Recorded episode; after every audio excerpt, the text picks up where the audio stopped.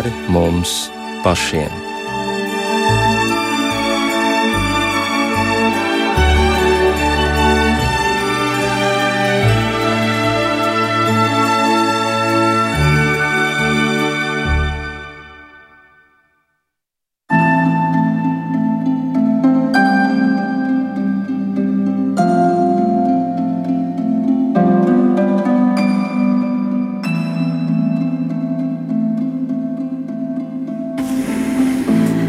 Esiet sveicināti raidījumā pāri mums pašiem, lai ir slavēts Jēzus Kristus. Studijā Inte Zēgnere par skanējumu rūpējas Kristaps Briedis.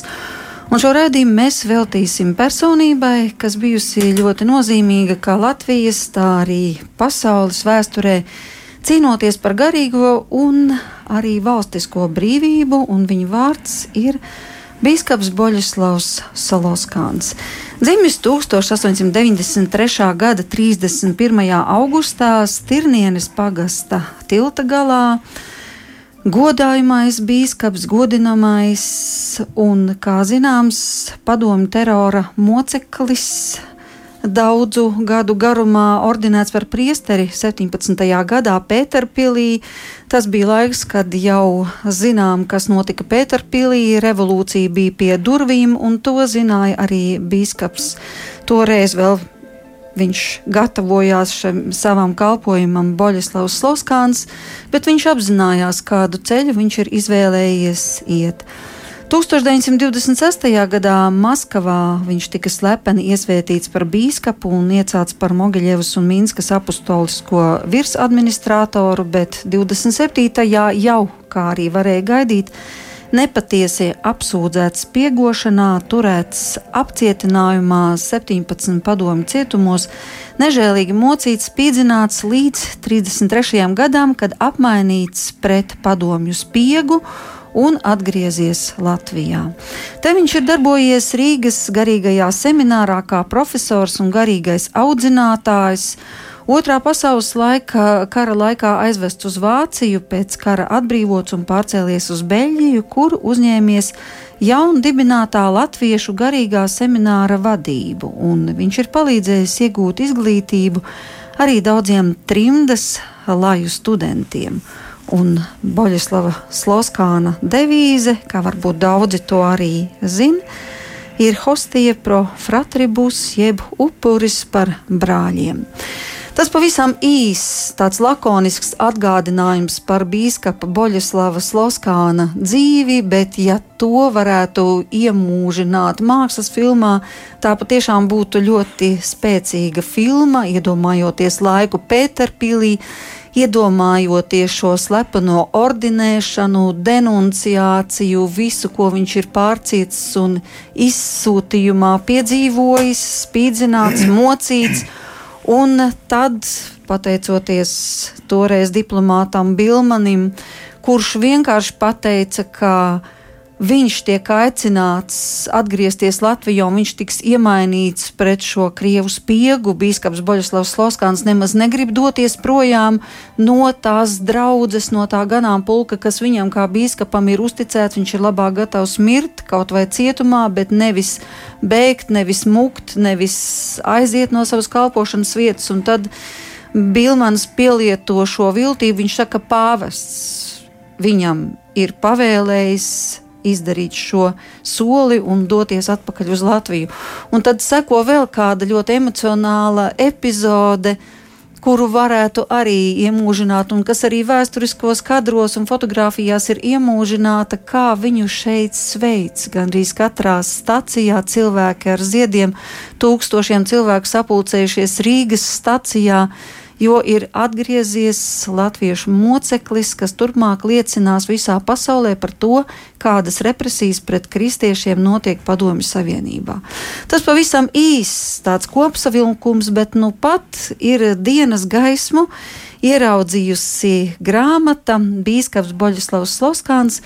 Gaisma šodienas pasaulē bija Svētās Marijas Magdalēnas baznīcā šīs grāmatas prezentācija, un mūsu redzējuma viesis ir Bīskaps Andris Kravalis. Gribētu, lai jūs šo grāmatu raksturotu. Jā, tas ir uh, skaists darbs, kas apkopo vairāk kā desmit gadu garu pieredzi, un turpinot iesākt to tavu faktu pārskaitījumu, jāsaka, ka Boļislavs Laskāns, tagad jau godāmais, viņš tomēr ir eh, labi pazīstams ne tikai Latgalē, arī šeit pārdaugavā ir iela viņa godam, kas ved uz eh, tagadējo katoļu ģimnāziju, kur viņš arī praktiski desmit gadus kalpoja kā pasniedzējs, eh, garīgais tēvs. Mums arī ir iela Stirnienē, kur viņš ir dzimis, tūlīt no Rīgas ceļa nogriežoties uz Stirnienes baznīcu, pavisam nesen šī iela arī tiek nosaukta Boļislavas Laskāna vārdā. Un, protams, dodoties uz Aglonu, mēs nevaram neapstāties pie viņa kapa vietas, kas ir Aglonas skriptā, kopā ar eh, biskupu Rancānu, ar kardinālu Juliānu Vaivodu. Viņš eh, atdusās un nenoliedzami, kā jau jūs sacījāt, viņš ir sava veida ikona, kas eh, īpašā veidā ir kā tilts starp rietumiem un austrumiem, kas eh, sevi ir integrējis vairākas kultūras, jo viņš eh, pat pēdējos dzīves 40 gadus pavadot Beļģijā, turpināja domāt, lūgties par Baltkrieviju, par šo mm, savu uzticēto ganāmpulku diecēzi, un šeit ir vairākie raksti kas ir tapuši Baltkrievijā, un arī ir Baltkrievijas biskups eh, Kondrusevičs, kas saņem stafeti no Boļislavas Loskāna kā pirmais biskups. Viņš ir pazīstams labi Maskavā, viņš ir pazīstams eh, Francijā, viņš ir pazīstams, protams, Beļģijā, un arī jau ir iznākušas divas eh, nopietnas dokumentālās filmas. Mazliet jau vairāk kā pirms 20 gadiem Dzīvras Miltēna izveido filmu. Lūkšana krustā. Jā, kurā ir ļoti vēsturisks pētījums, uh, kur viņi arī atrod daudz materiālus uh, Maskavā, Sanktpēterburgā, kur viņi konsultē arhīvus un pati dodas uz Solovkiem. Un pavisam nesen, arī pirms gada, ir tapusi mm, Paskāla Marija Jerumāņa priestera filma, kas arī stāsta par Boļislavu Slaskānu.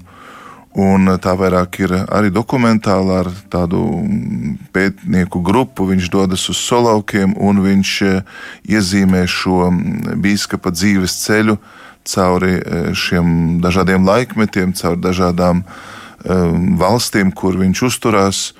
Un šī filma vismaz piecas reizes tika parādīta Franču televīzijā, tā jau tika parādīta Beļģijā un bija jau paredzēta pirmizrāde Latvijā. Bet eh, sakarā ar šo situāciju tad eh, viesi un režisors un komanda nevar atbraukt. Un eh, mums vēl viņa nav latviešu valodā pieejama, bet jau angliski un, un nīderlandes valodā viņa jau ir skatāma.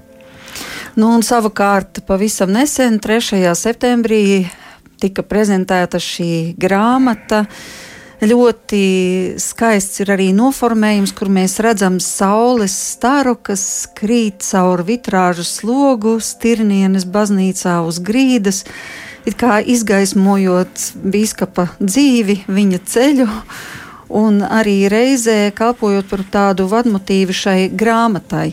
27 autori ir piedalījušies šīs grāmatas sastādīšanā, un tur mēs varam lasīt visdažādākos rakstus. Bet prezentācijā piedalījās arī Latvijas vēstniece pie svētā krēsla Elita Kuzma, jo, kā mēs atceramies, ļoti liela nozīme bija arī Latvijas diplomātijai tajā laikā, 33. gadā, kad biskups Boļeslavs Sloskāns atgriezās, kad viņš tika samainīts uz šī Indras robežu punkta. Tā patiešām bija tāda valstu ļoti liela uh, nu, neteiktu, ka sadarbība arī sadarbība, bet būtībā jau pateicoties tam, ka šis krievs pieks tika noķerts, bija iespējams izglābt no drošas nāves bīskapu Boļeslavu Sloskānu Krievijā. Un, uh, tur diplomāti ļoti daudz ko veica, un tāpēc gribētos, lai uh, Mēs eh, šobrīd ieklausītos, ko Latvijas vēstniece pie svētā krēsla Elita Kuzma sacīja šajā grāmatas prezentācijā Svētās Marijas Magdalēnas baznīcā. Kā jaunā Latvijas vēstniece pie svētā krēsla Es esmu tiešām pagodināta būt klāt dienā, kad līdz šim veiktais darbs un ieguldījums šīs nozīmīgās personības piemiņas iedzīvināšanai līdz ar vēsturiskajām fotografijām un dokumentiem ir apkopoti vienotā izdevumā, rakstu krājumā Bīskaps Boļaslavs Sloskāns gaisma šodienas pasaulē. Es no sirds vēlos sveikt ar šīs grāmatas atvēršanu.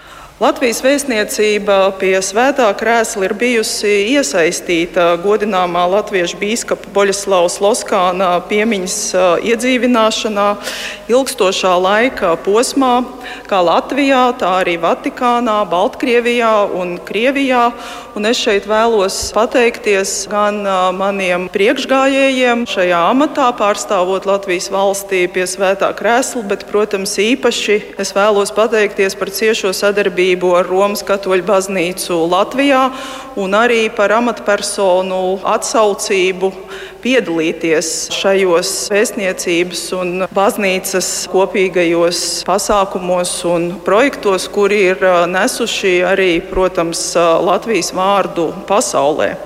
Klātesošajiem ir zināms, ka 2004. gada 20. decembrī oficiāli ar pāvesta nu jau svētā Jāņa Pāvila II izsludinātu dekrētu tika atzīta Boļaslavs Loskāna tikuma varonība, un turpmāk viņš tiek saukts par godināmo.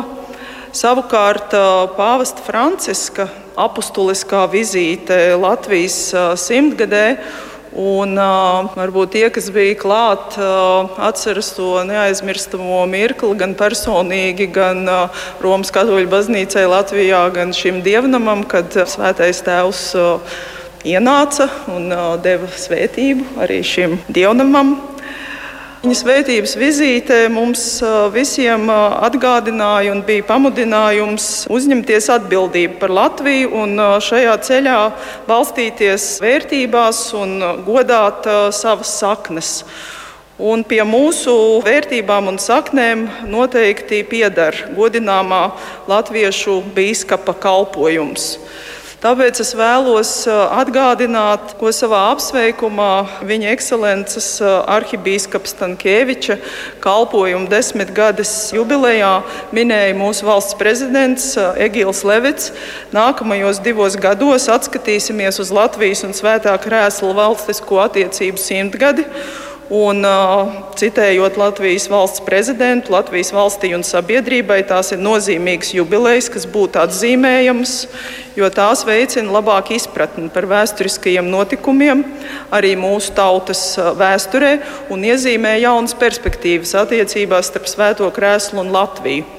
Un es esmu pārliecināta, ka valstisko attiecību simtgades kontekstā mums ir dota iespēja kopīgiem spēkiem turpināt iedzīvināt godināmā latviešu biskupa Boļaslavas Loskāna izcilo personību un iedzīvināt šo mīlestības ar lielo burtu cilvēcības un cerības stāstu, kas ir cieši savijies ar mūsu valsts un arī mūsu reģionu un Eiropas vēsturi un pieredzi.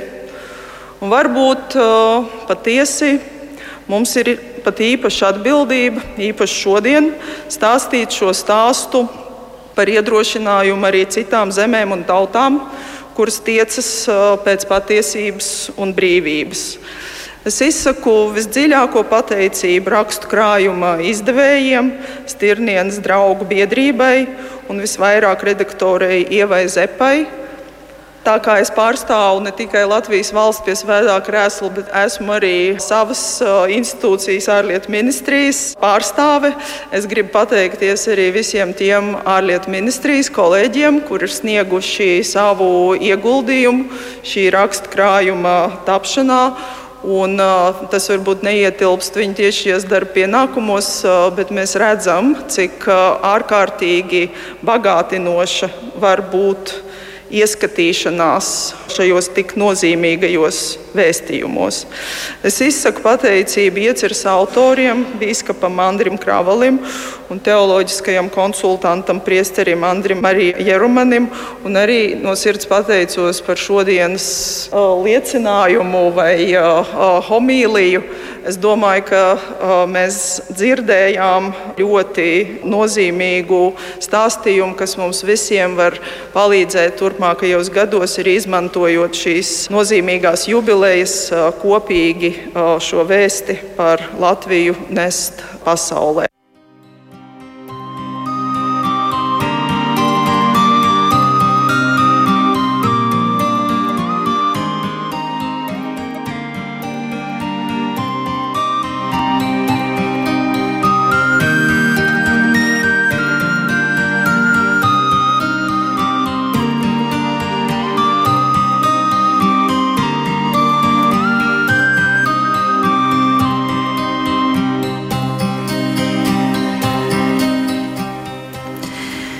Dzirdējām Latvijas vēstnieci pie svētā krēsla Elitu Kuzmu. Tagad šo grāmatu varam lasīt, šķirstīt, iedziļināties, bet ko mēs tajā atradīsim? Kā jau jūs sacījāt, ir 27 autori. Tur gan ir vēsturnieki, politiķi, garīdznieki, tur ir uh, arī ne tikai cilvēki no Latvijas, bet no Baltkrievijas, no Itālijas, no um, Nīderlandes, no Beļģijas Tad, tad eh, tas ir tiešām rakstu krājums, kas eh, ļoti daudzšķautnaini aplūko Slaskāna personību un arī eh, zinātnisks pētījums, kur ir arī pielikumi, daudzas fotogrāfijas, dokumenti. Un kā rakstu krājums, tas apkopo arī vairākus seminārus, kas ir notikuši gan šeit, eh, Rīgā, Latviešu biedrību, biedrības namā, gan arī Stirnienē, gan arī divreiz mēs bijām Baltkrievijā, Minskā, kur arī ir šī interese. Tāpēc eh, šī nu, personība ļoti, ļoti nu, daudzšķautņaina. Mēs redzam šī, šīs personas aktualitāti arī šodien. Tas, kā viņš izdzīvoja savu ticību, kā viņš spēja orientēties uh, visos šajos e, ļoti nevienkāršajos laikos. Atzīmēšu, ka viņš ir ņēma dalību Vatikāna otrajā koncilā, kā Latvijas. E, viņš bija pirmais, krietni vien agrāk, pirms e, Solžņicina, kas jau rietumos 30. gados runāja, informēja par to, kas ir noticis Krievijā, par gulagu, par izsūtījuma nometnēm, par to stāvokli, kas tur ir. Un viens no tādiem nākošajiem darbiem, ko mēs vēlamies, tās ir viņa piezīmes, ko viņš rakstīja franču valodā pāvestam, kas lūdza tātad aprakstīt eh, to, ko viņš ir piedzīvojis, redzējis. Un šis darbs tātad, jau ir iztulkots latviešu. Mēs gribam tādās trijās valodās viņu publicēt, lai mēs arī caur nu, Sloskāna personīgo pieredzi, caur šo manuskriptu varbūt, varbūt saprastu, ko tad viņš ir izdzīvojis. Un uh, tie varbūt tādi atslēgas vārdi, kas jau izskanēja arī prezentācijas laikā, tā ir atdošana, tā ir uh, pieticība, tas reizē ir drosme, uzticība, tā ir uh, žēlsirdība un arī atbildība. Atbildība Dieva priekšā, atbildība baznīcas priekšā un arī kā valstiski nozīmīga un svarīga persona Viņa Slaskanam bija ļoti liela ietekme arī dažādās e, konferencēs, kur viņš tika aicināts kā viens no lielākajiem speciālistiem attiecībā uz Krieviju. Tad viņš arī ņēma dalību daudzos gan semināros, Vatikānā, gan arī Beļģijā, Francijā. Vienmēr tika lūgts un aicināts, un liecības, kas ir par viņu, jau piemēram no Lizjē klostera, ko māsas ieraksta savā dienas grāmatā. Nu, tas ir mūsu vidū bija svētais.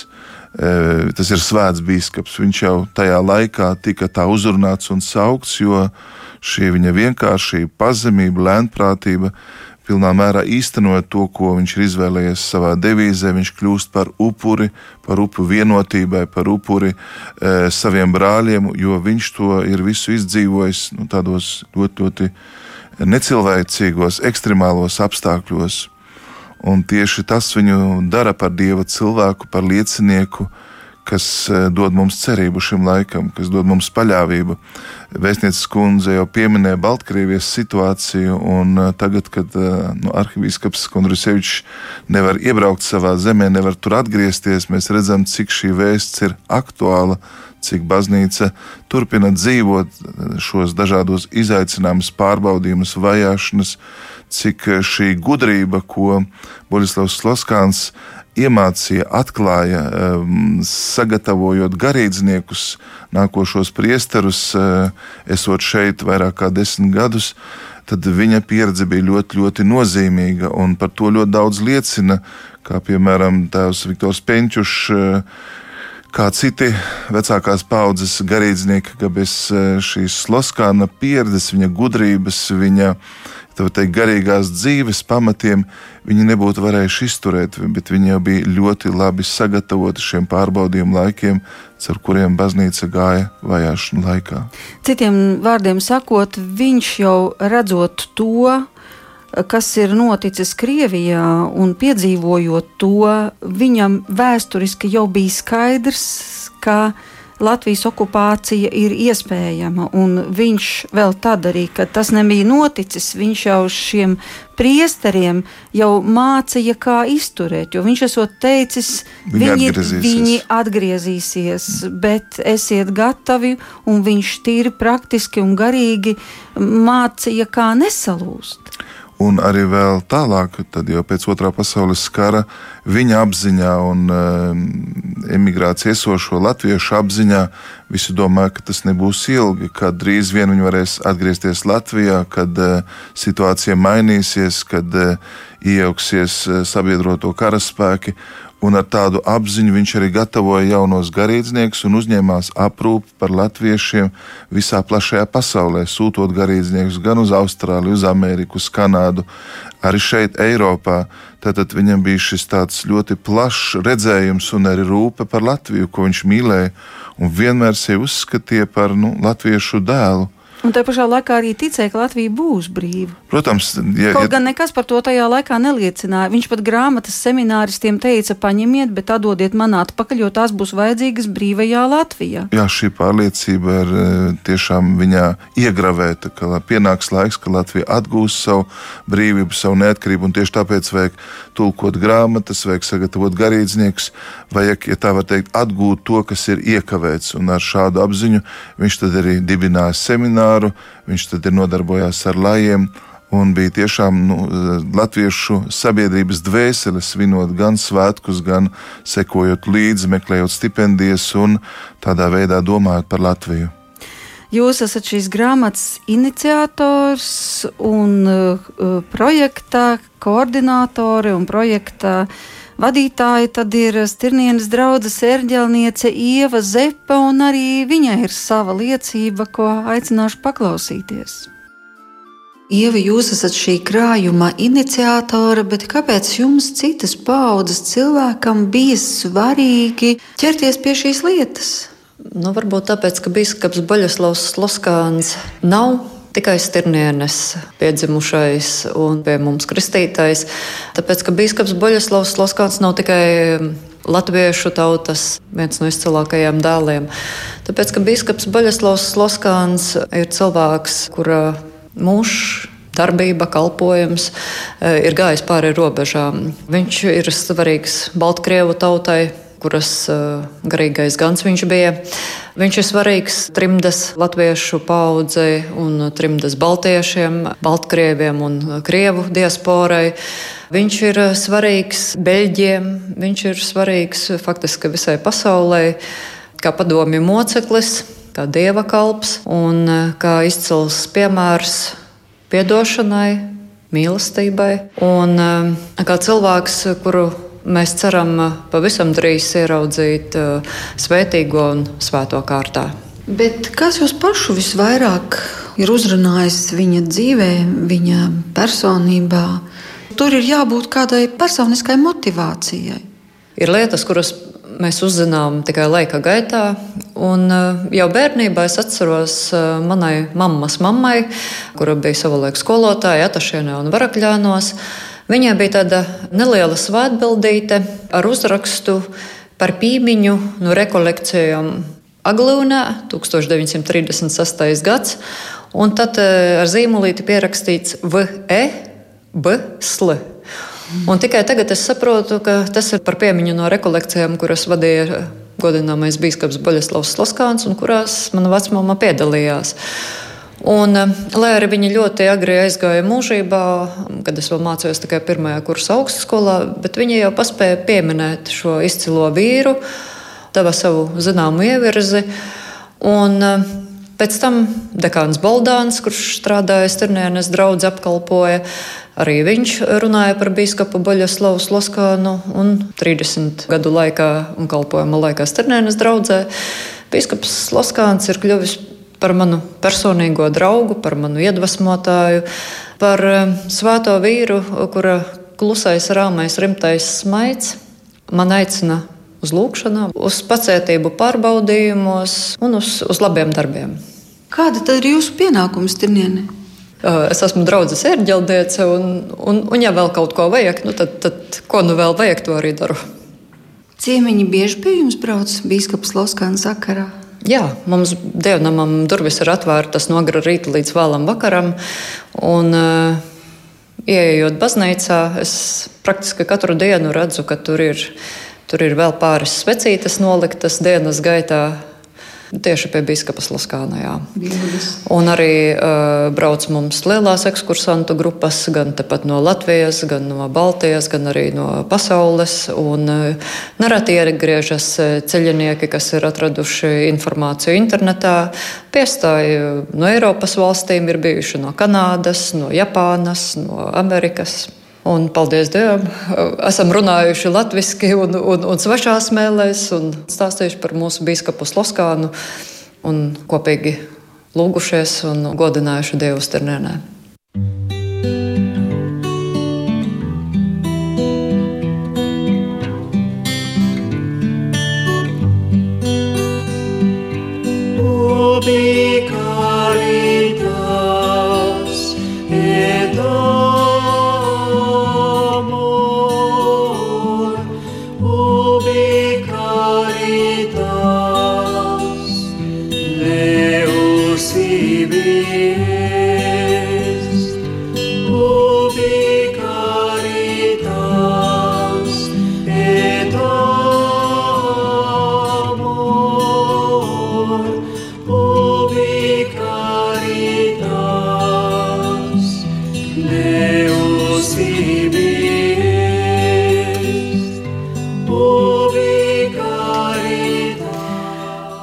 Žēlsirdība un miers, tur Dievs ir mūsu vidū. Tādi ir šīs dziesmas vārdi, un manuprāt, arī šis dziedājums ļoti labi raksturo biskupu Boļeslavu Sloskānu.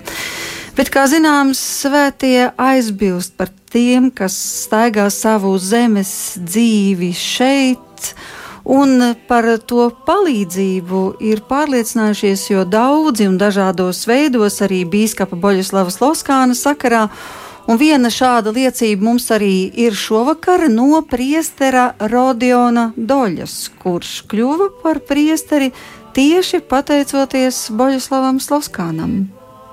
Jums ir ļoti skaista liecība, kas ir saistīta ar biskupa Sloskāna personību un jūsu paša dzīvi. Kā tā ir izmainījusies pateicoties viņam? Jā, tik tiešām, jo Es augu Krievijā, kā latvietis, kura vecāki strādājuši Austrum Sibīrijā, Ulanudē, bet eh, ar Latviju aizvien saistīti. Vienmēr apmeklējam Latviju vasaras brīvlaikos, un tā jau 2000. gadu sākumā vēl kā Sibīrijas eh, skolēns apmeklēja vecmāmu Latviju un pirmoreiz devos uz Aglonu, kuru man izrādīja. Visi jau dodas pie dievmātes, svētbildes augšā, bet mani arī aizveda pie biskupa Boļislava Sloskāna pārabidījuma vietas. Bet eh, reti kurš eh, pamana, ka tuvumā ir medaļons ar viņa ģimeni, un e, apakšā ir tādi mazi piekariņi. Un e, vajag arī pakāpties, lai paskatītos, kas tie tādi ir par piekariņiem.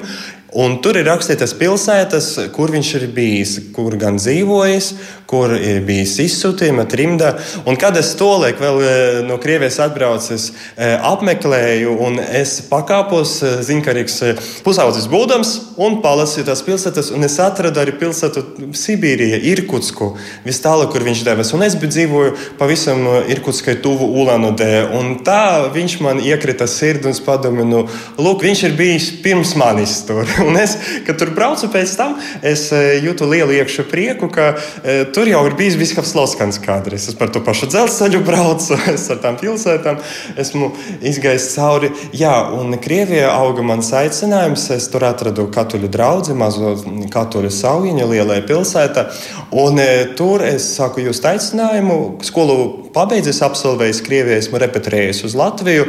Un Latvijā sāku studijas, laicīgas vēstures studijas, universitāte. Bet jūtams arī tādu šķelšanos starp laicīgo aicinājumu, starp aicinājumu uz priesterību, izvēles nepieciešamību un to, ka šo aicinājumu, šo domu par priesterību var arī pamest, var arī to eh, domas var mainīties.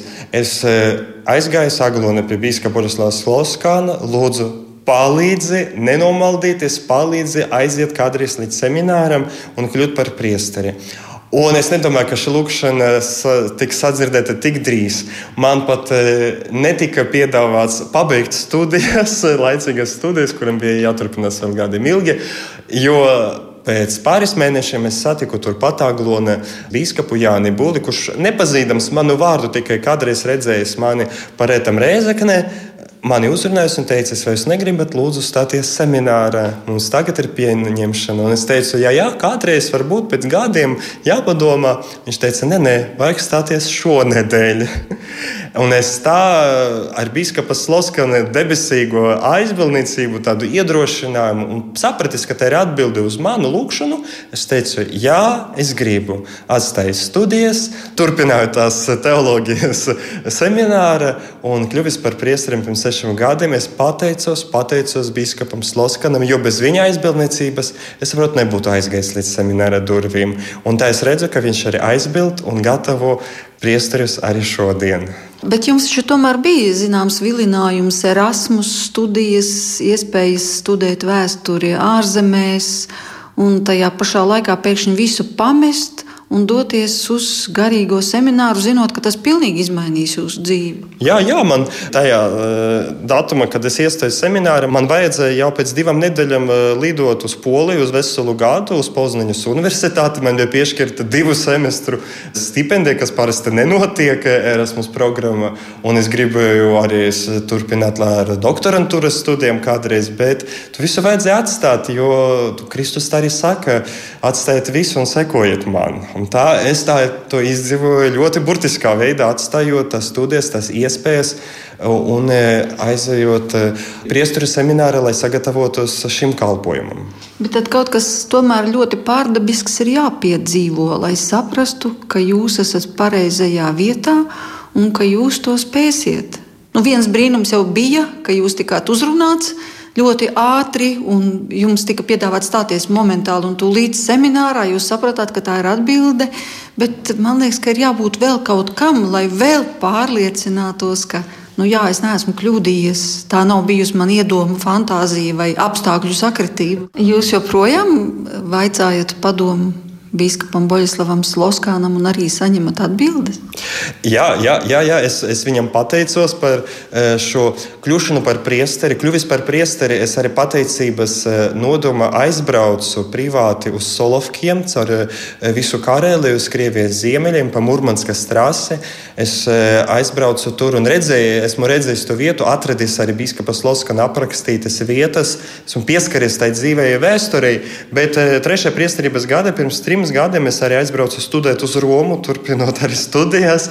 Un tur Romā, jā, turpat es eju pa tām ielām, kur viņš kādreiz jau trimdinieks būdams staigājis. Un es eju gar Rusikom kolēģiju, kur bija daudzi no slāvu zemēm semināristu, kur viņš arī vienmēr uzturējās Romu. Un es tur apstājies, skatos uz blakus esošu mazās Terezītes baznīcu. Eh, un, un jā, Sloskans ir tepat, viņš, viņš ir mums līdzes, viņš, viņš mums pavada.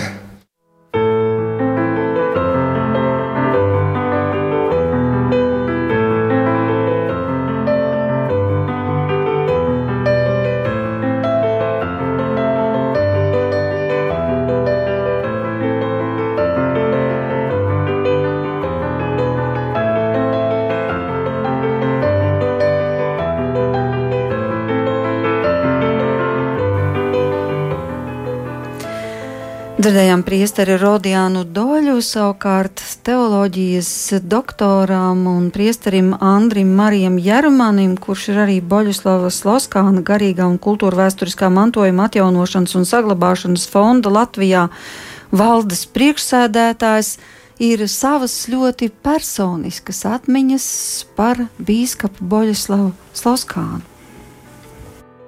Es atceros, ka viņš nāca pie mums mājās. Bīskaps Loskāns bija pastorāls cilvēks, svēts, lūkšanas cilvēks, kas dzīvoja klosterī 40 gadus, bet viņš rūpējās par latviešu ģimenēm, kas bija tik daudz.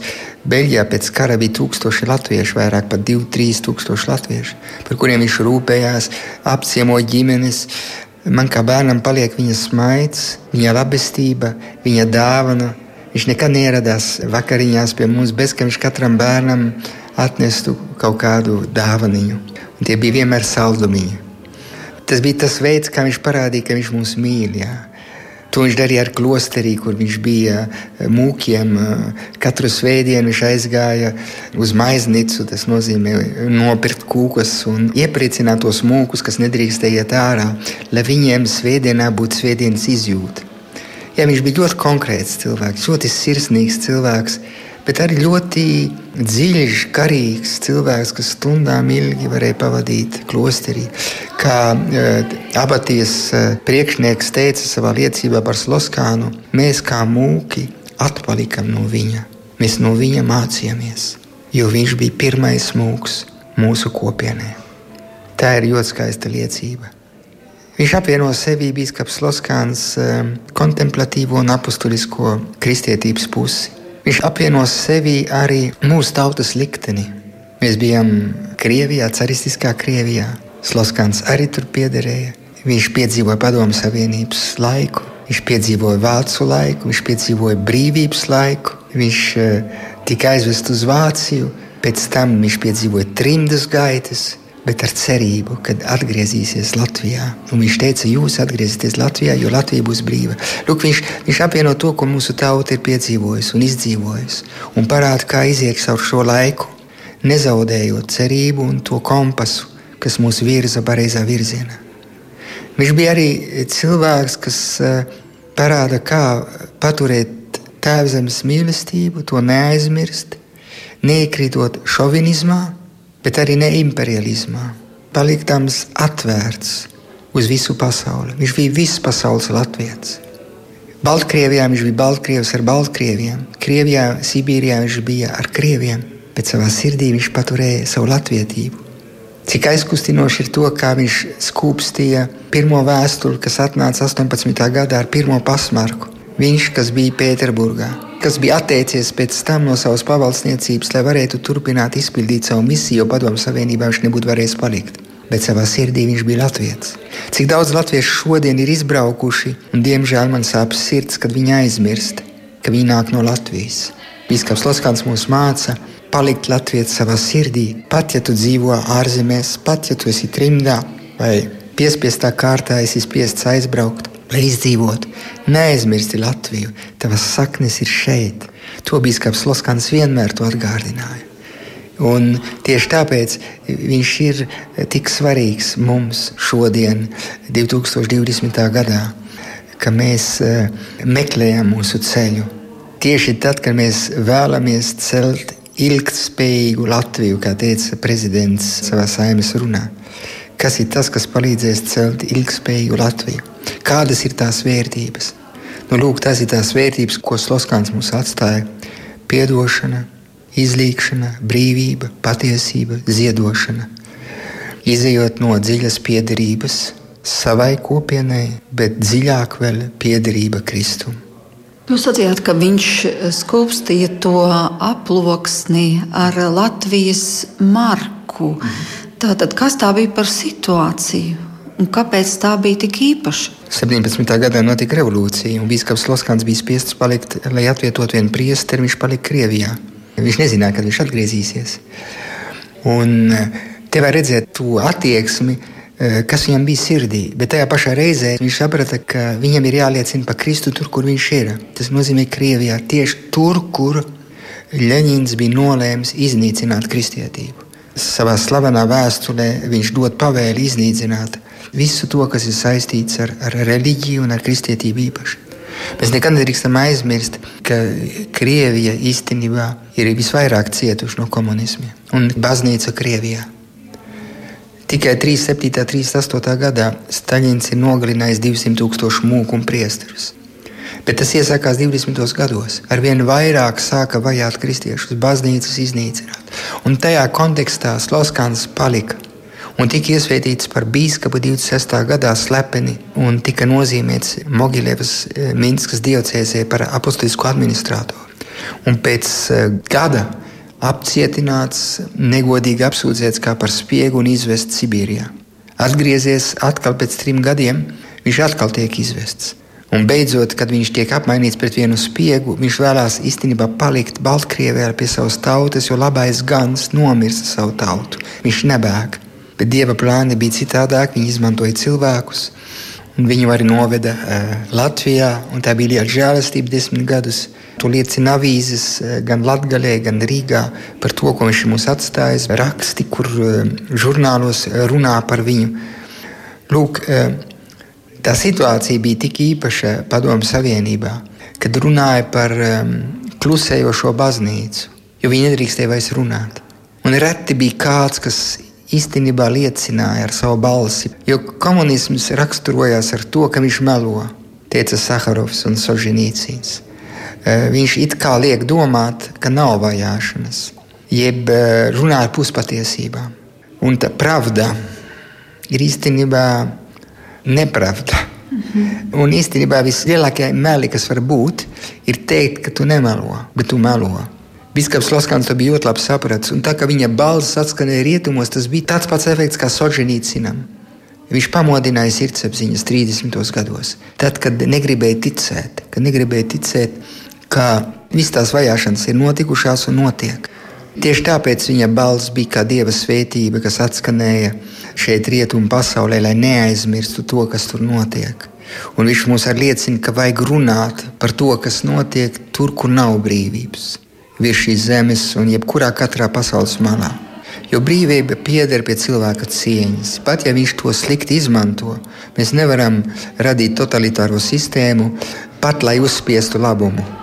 Tas ir tas paradoks. Brīvība ir pieder pie mūsu cilvēka cieņas. Un jebkura katra sistēma, kas vēlās ierobežot cilvēku brīvību, lai viņu manipulētu, un tas bijis pagātnē, tas arī notiek šodien. Biskaps Loskāns mums palīdz saprast, palīdz atmaskot, mums palīdz arī rīkoties pareizi arī mūsdienu sabiedrībā. Šodien mēs sakām, ka mēs esam brīvā sabiedrībā, bet arī citi žņaugi var parādīties. Patērētāja sabiedrība, masinformācijas līdzekļu manipulācija, naudas žņaugi, izslēgšanas ekonomika, kā saka Pāvils Francisks. Tie ir tie paslēptie totalitarisma veidi un e, tehnoloģiskā diktatūra, kā par to kādreiz jau runāja pagātnē, vairāki domātāji. Arī e, Anna Ārenta, kas uzrakstīs ļoti labu grāmatu par totalitarismu, vienmēr uzskata, ka patiesība ir tā, kas apgāž totalitarismu. Bīskaps Loskans iet pa šo ceļu, un viņš mums to atgādina. Tieši tāpēc viņš bija bīstama persona Padomu Savienībā, un arī bija bīstama persona pēc tam, kad viņš tika izraidīts uz ārzemēm. Trimdā jo viņš liecināja, ka to, ko tur stāsta, tie ir meli. Viņš to darīja līdz mūža beigām, bet viņš to darīja ar mīlestību. Viņš nekad īstenībā neidentificēja grēcinieku ar grēku. Viņš ienīda grēku, bet nekad grēcinieku. To viņš mīlēja kā Kristus, lūdzās par viņu, jo Dievs jau bija miris krustā par viņu. Bet jūs saprotat, kāpēc Padomju Savienībā bija tāds naids pret kristietību? Vai tas nav tāpēc, ka vienkārši ja kristietis patiešām, tā kā jūs minējāt, Boļuslavs Loskānu, ja kristietis seko Kristum, tad viņš pārstāja baidīties. Nu, to liecina pirmo mocekļu pieredze, to liecina arī vēlāk ļoti daudzu Kristus sekotāju pieredze, ka viņi tiešām runā patiesību, un patiesība dara viņus brīvus, pat ja viņiem ir jāsamaksā ar savu dzīvību par to. Vai bīstamība visos laikos neslēpjas tieši tajā, kā grūti pakļaut. Kristus uh, savā diskusijā ar fariziem saka ļoti būtisku frāzi. Jūsu tēvs ir melu tēvs. Meli raksturo sātanu. Un es esmu pienācis pie tāda slēdziena, arī politikā. Ja mēs sāksim īstenībā uzstādīt jautājumu, bet šis politiķis, cik daudz reizes viņš ir melojis visā savā karjerā, mēs attīrīsim šo sabiedrību no totalitārisma, no negodīguma, no manipulācijas. Biskaps Loskāns un kristieši ir bīstami tieši tāpēc, ja viņi ir autentiski, viņi atklāja patiesību. Savā dzīvē, bet arī citos ar to, ko viņi saka. Un tas, kas melo, jeb tas, kas runā ar puspatiesībām, lai manipulētu cilvēkus, viņš nepacieš to. Es pienācu personīgi pie tā slēdziena, ka šodien mums ir jāseko šim kritērijam. Pirmā zīme, kad es aizstāvu kristīgās vērtības, ir, kad es nemeloju. Ja mēs iesim šo ceļu, tad arī mēs, kā kristieši, palīdzēsim atjaunot un atvesaļot šo sabiedrību. Man pietiek ar šo vērtību, nemelot. Biskaps Loskans to ir mācījis, un Sāroram bija taisnība. Ja tu gribi, lai komunisms sabrūk, izbeidz melot. Un viņš jau sabruks tavā sirdī, tavā ģimenē, tavā darbā. Ja tu gribi, lai šī sabiedrība atjaunojās, lai brīvība nestu auglību, izbeidz melot. Tev un citiem.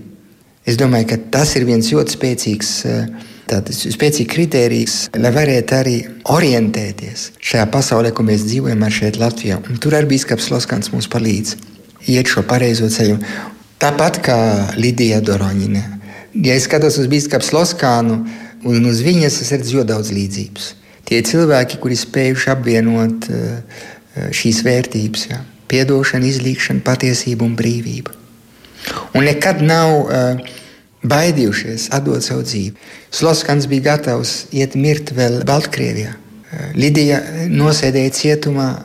Jā, tie ir cilvēki, kas ir kā mūsu bākas vai kā kompas, kā teica prezidents Elgīls Levits kuri mums ir vajadzīgi šajā sabiedrībā.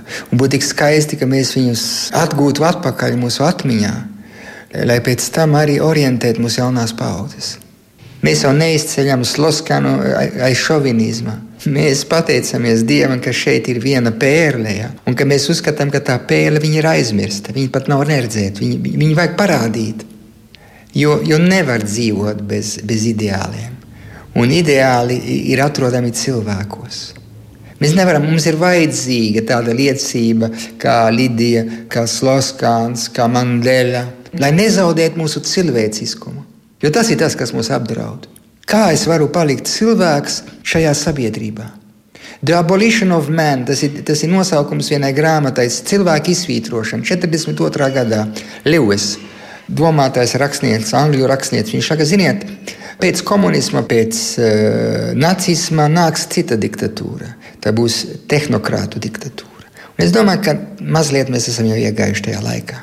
Mēs jau pat runājam par postjūmanu, pēc cilvēka sabiedrības. Mēs runājam jau par robotu sabiedrību, ka jau mākslīgā inteligence sāk pārņemt mūsu ikdienas dzīvi. Ja? Ka mēs drīz zaudēsim to brīvību, uh, jo tehnoloģija sāks diriģēt visu mūsu dzīvi. Nu, lūk, mēs pat vairs nevaram iztikt bez telefona. Mēs tiekam tiranizēti no šīs informācijas, kas ienāk. Katrs cilvēks gaida atbildi uzreiz.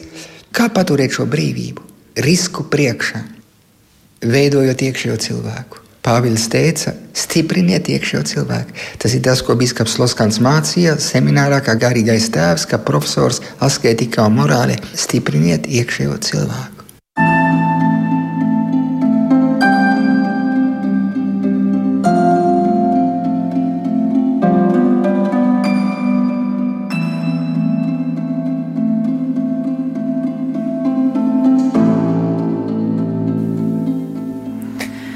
Priesteris Andris Marija Jermanis tikko aicināja nostiprināt savu iekšējo cilvēku. Bet kā to izdarīt? Kā nostiprināt savu to iekšējo brīvību un ko, piemēram, varbūt šodien teiktu bīskaps Borislavs Sloskāns? Vai arī kādus padomus mēs varam iegūt no šīs grāmatas? Es domāju, ka ir eh, vērts padomāt, kā šis iekšējais cilvēks mūsos nostiprinās un Apostolis Pāvils pats dod uz to atbildi, sakot, uzlūkojot Kristu, identificējoties ar Kristu, darot Kristus evaņģēliju par manu dzīves daļu. Vienā vietā viņš saka, ka ne es dzīvoju, bet Kristus dzīvo manī. Tad, tad tieši Kristus žēlsirdība, viņa atdošana, viņa lēnprātība, tas, ko mēs atklājam kalna svētībās, kļūst par šī iekšējā cilvēka nu, izvēli. Un tieši tāpēc mēs arī nu, cenšamies pirmkārt jau caur šīs grāmatas palīdzību, bet ir ļoti daudz materiāls, kas ir apskatāms, izlasāms. Ir mājaslapa Sloskana fonds.lv kur arī daļa arī no šīm konferencēm ir izlasāma. Mēs esam izveidojuši arī Katoļu ģimnāzijā Ojāra Vāciešu ielā piemiņas istabu, kur Slaskāns ir parādīts kā vienotības veicinātājs ar citām konfesijām. Viņš ir viens no tiem mocekļiem, kurus mēs cenšamies izcelt un parādīt un pateikt, cik svarīga un nozīmīga bija viņa loma. Es pats eh, kalpoju Marijas Magdalēnas draugzē, un tas ir dievnams, kas ir īpaši saistīts ar Boļislavu Sloskānu. Mums arī ir tāds draudzes projekts Svētās ģimenes māja, kur arī mēs varam iepazīt eh, gan personīgās lietas, gan viņa stāju attieksmi un runāt par šo pārbaudījumu laiku, ko baznīca ir izgājusi cauri. Arī zīmīgi, ka Pāvests Francisks pirms diviem gadiem arī nu, iepazinās ar Boļislavu Sloskānu. Viņš redzēja viņa fotogrāfijas, redzēja viņa biskupa kalpojuma, regālijas un lietas, un arī uzdeva jautājumus par to. Es domāju, ja mēs gribam vēl iepazīt Boļislavu Sloskānu, tad mums Latvijā ir ļoti pazīstama svētā, svētā Terēza no bērna Jēzus un svētā Vaiga.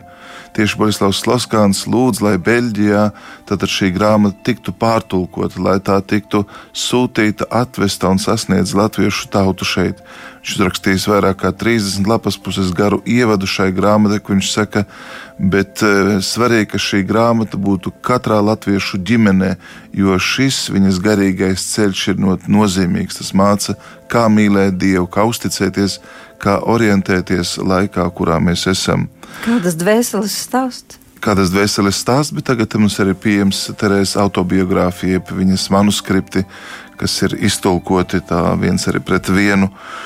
Un eh, šis garīgais mantojums eh, turpina būt klātesošs baznīcā, un tas, ka kopš 2004. gada mēs varam godināt, mēs varam viņu pat piesaukt liturģijā, eh, uzticēt savas lūgšanas un mācīties no viņa tikuma varonības. Tas parāda, ka baznīcai viņa persona ir svarīga, nozīmīga, un tāpēc turpinās viņu iepazīt. Un es domāju, arī e, drīz vien e-grāmata arī būs pieejama šī, šī grāmata, kas, kas ir tagad jau baznīcu plauktos, un es domāju, grāmatnīcās. Un tie ir varbūt tie avoti, kur jūs esat aicināti nākt, smelt, iepazīt, e, turpināt e, šo garīgo draudzību, ko šis dieva cilvēks mums atstāja.